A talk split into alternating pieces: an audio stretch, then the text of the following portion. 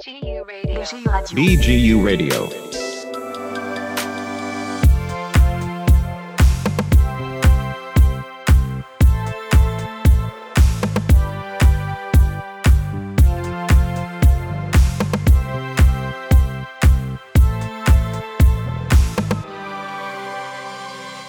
ברוכים הבאים וברוכות הבאות לסדרת הפודקאסטים החדשה של המחלקה לפוליטיקה וממשל באוניברסיטת בן גוריון בנגב.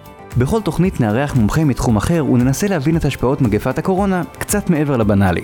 על בריאות, חברה, פוליטיקה ומה שביניהן. והפעם, ראש המחלקה פרופסור גיא בן פורת ופרופסור לין שלר מדברים על אפריקה, ומשווים בין מגפת הקורונה והתפרצות האיבולה.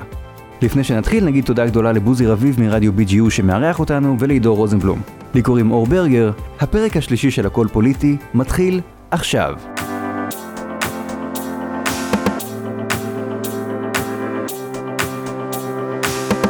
אז אה, שלום לין, איך היה להעביר פעם ראשונה אה, שיעור אה, דרך הזום ולא בכיתה?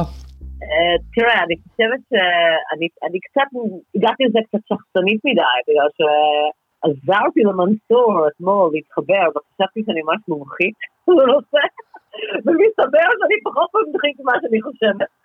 ואני לא הצלחתי להבין איך להזיז את האנשים ממקום אחד למקום השני, התמונות שלהם, וזה הסתיר לי את המצגת, ונכנסתי לקצת פאניקה מזה. אז אני חושבת שהגעתי לשיעור ג'וברס מסוים, מבחינת הזום, וזו הייתה טעות שלי. לקראת שבוע הבא אני אנסה להסתכלל קצת, ואז אני מקווה שיהיה יותר טוב. אבל בסך הכל פתרון לא רע, ונקווה ש... נצליח להשתמש בהכל עוד שצריך, ושבסוף של דבר נחזור לכיתות. אני רוצה להתחיל דווקא עם משהו כללי. כל הדיון הזה בקורונה, הוא מתרכז כולו ב- באירופה, ואין כמעט שום מידע או שום עניין באפריקה. זה מקרי? אני חושבת שזה לא מקרי, בגלל שבאמת עד היום יש מעט מאוד מקרים באפריקה, ושאלת המיליון מבחינת אנשים שמתעניינים באפריקה זה למה, למה זה, ויש אנשים שאומרים שיש שם קורונה, אבל פשוט לא בודקים ואז לא יודעים, ויש כאלה שאומרים שעדיין לא הגיע לשם, ואז אומרים איך זה יכול להיות שלא הגיע לשם, שיש מיליון פלסטינים שגרים באפריקה, ויש כל כך הרבה תנועה בין אפריקה וסין. אז יש כאלה שאומרים שהסינים שנמצאים באפריקה, אלו שעזבו לקראת החגיגות של השנה החדשה, נשארו בסין ולא חזרו, ויש כאלה שאומרים שאלו שלא נסעו אז לא נסעו ואז לא נחשפו. Um, לא יודעת, זה, זה תעמולה, ואני חושבת שהתשובה לזה אנחנו נדע רק בעוד כמה חודשים, אנחנו לא יודעים בעצם אם יש קורונה או אין קורונה, אבל באמת בינתיים הדיווחים הם של מעט מאוד מקרים, כמה עשרות, ורק חצי מהמדינות. אם משווים את זה באמת לאבולה, שזה התחיל מאפריקה ויצא החוצה, מה אנחנו לא לומדים מהאבולה על, על אפריקה ועל, ועל מגפות מהסוג הזה?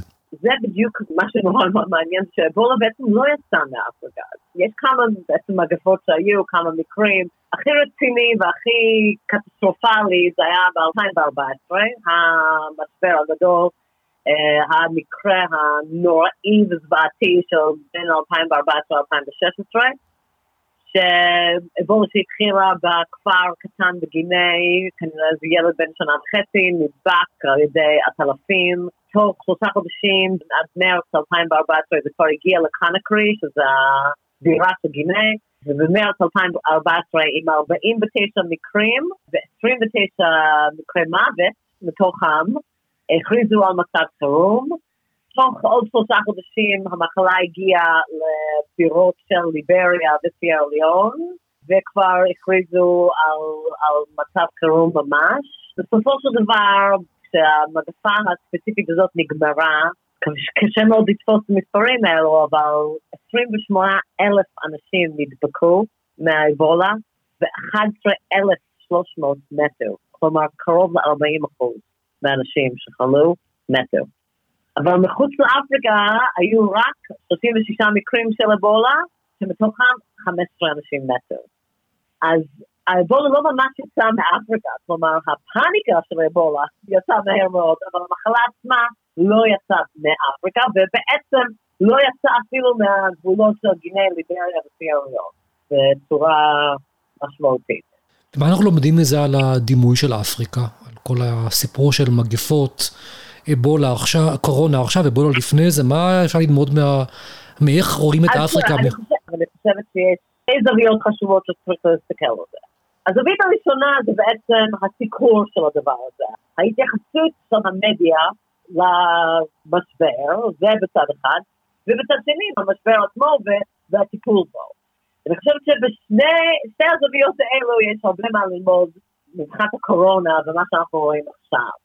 עכשיו, באמת באמת הקטסטרופה הזאת שנקראת המקרה של האגורה ב-2014 עד 2016, באמת, זה עשה נזק בלתי הפסיך לחברות המקומיות של גינאה וליבריה וסייר ליון.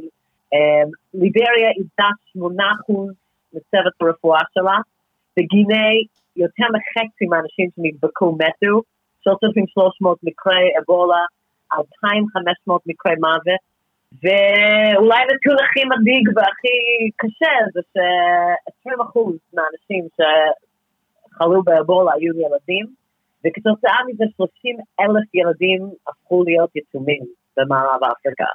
אני לא רוצה להמעיט בחשיבות של הדבר ושמה שקרה והמשבר שהיה, אבל הסיקור של המחלה, של, של המשבר, של האיבולה בשנים האלו במערב, היה פשוט סיקור היסטרי, של באמת פנדמיק, uh, כאילו מגפה שעוד שנייה מצטרפת מאפריקה והולכת להיות סוף העולם. ואיבולה באמת היא מחלה נוראית שמספקת בעצם את החומרים של כל הסיוטים הכי קטסטרופליים ושל סוף אחרית הימים של העולם.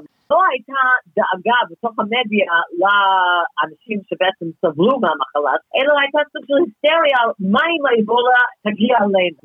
רוב הסיקור של המחלה בקרב אמריקאים הייתה סביב בעצם שני חולים לבנים שחזרו לארצות הברית עם המחלה ולא הרבה יותר מדי דאגו לשלומם של האוכלוסיות שבאמת סבלו מזה. ומה שמעניין אבל שבאותו זמן, באוגוסט 2014, שבאמת המגפה הגיעה לשיא שלה, ארצות הברית באותו זמן הייתה מגפה של מחלה אחרת שנקרא אנטרוווירוס D68 שבזמן הזה באוגוסט 2014 אלפי אמריקאים חלו מהמחלה הזאת, שגורמת לתופעות של שיתוק ילדים, אה, פוליו כאילו, וכמה אנשים מתו מזה, והרבה אנשים חלו מזה. אז השאלה היא למה בעצם התעסקו באבולה, שקיימת באפריקה ולא באנטרוווירוס D68, וחוקרים היום אומרים שזה בגלל שאנטרוווירוס D68 זו מחלה לא חדשה בארצות הברית, זה לא משהו שהם לא יודעים עליה. אה, ומשווים את האבולה לסוג של סיפור של רוצח סביבתי שפתאום מופיע באיזושהי קהילה ועושה פאניקה בקרב האנשים. האבולה הפך להיות סנסציה בגלל שהיא עונה לדמיון הכי בעצם שחור ופרוע של אחרית הימים, ובעצם מחלות ותופעות שגורמות ביום יומי להרבה יותר מקרי מוות, ובאמת מהוות הרבה יותר סכנה לאוכלוסייה כמו עישון סיגריות. אז אומרים שבעצם ההרגלים שלנו היומיומיים שגורמים להרבה יותר מקרי מוות הם לא נושא לחדשות. זה לא מוביל לכותרות וזה לא מוכר עיתונים.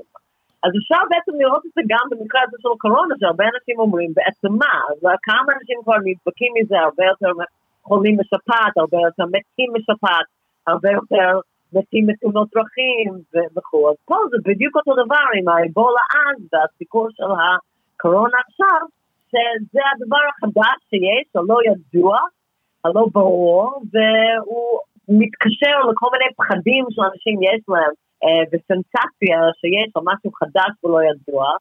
אבל בעצם משהו שמהווה פחות איום מאשר הדברים היומיומיים שלנו. אבל מהצד השני יש גם את השאלה של, אה, בהנחה שהקורונה תגיע מתי של מדינות אפריקאיות, מה יכולתן להתמודד עם מגפה מהסוג הזה?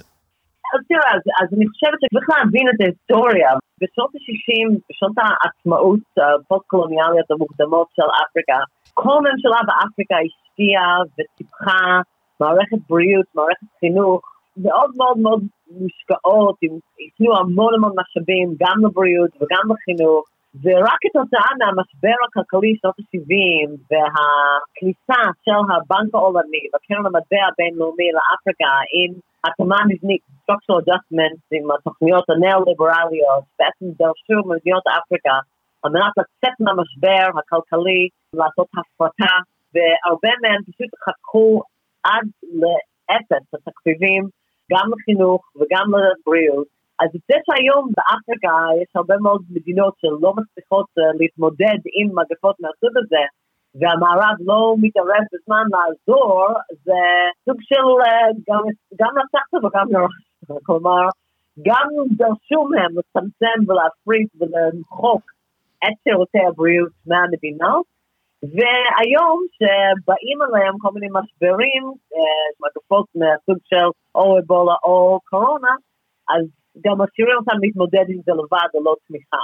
במקומות כמו המערב, אם באמת אנחנו דואגים מזה שאין מספיק, שבארצות הברית יש רק, במרכאות אני אומרת, 900 אלף מיטות בבתי חולים, אז כשהגיעה אבולה למנרוביה, בליבריה, הרופאים ללא גבולות הקימו בית חולים עם 160 מיטות.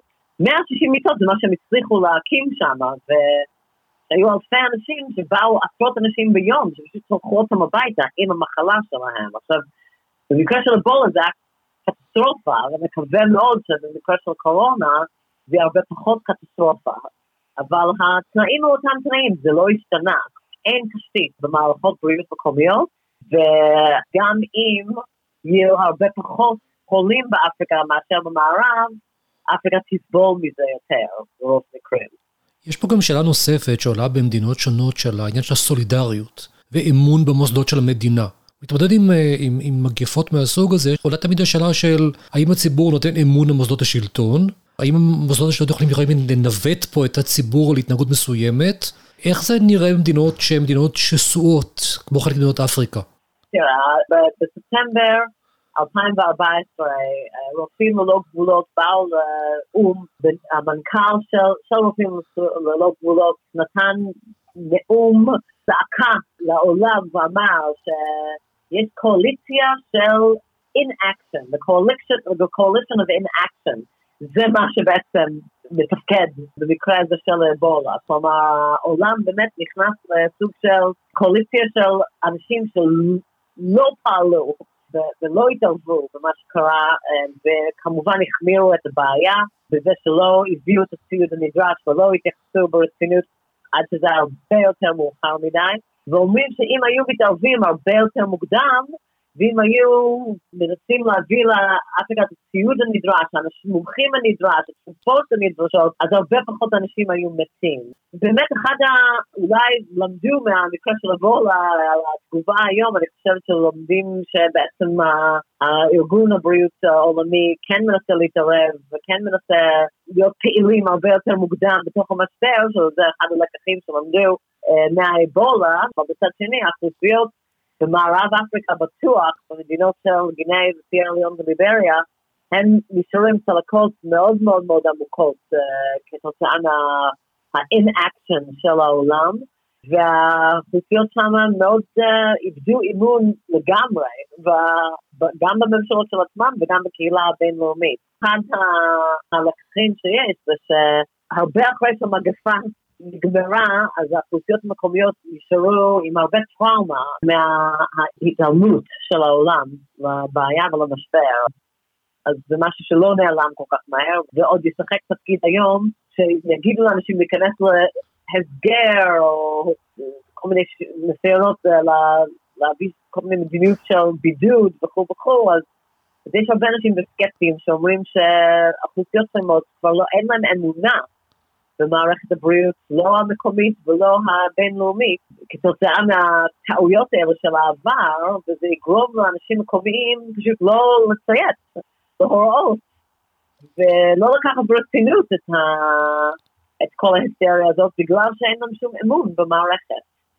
אז הטעויות של העבר, יש לנו איזשהו afterlife והד, שעוד יכולים להחמיר את המגפות של היום. שזה גם משהו שצריך לקחת בחשבון, שצריך לפעול לא רק בגלל ההשלכות היום, אלא ההשלכות לטווח הארוך. תודה רבה, לין. אין בעיה בכלל. יאללה, ביי. BGU Radio.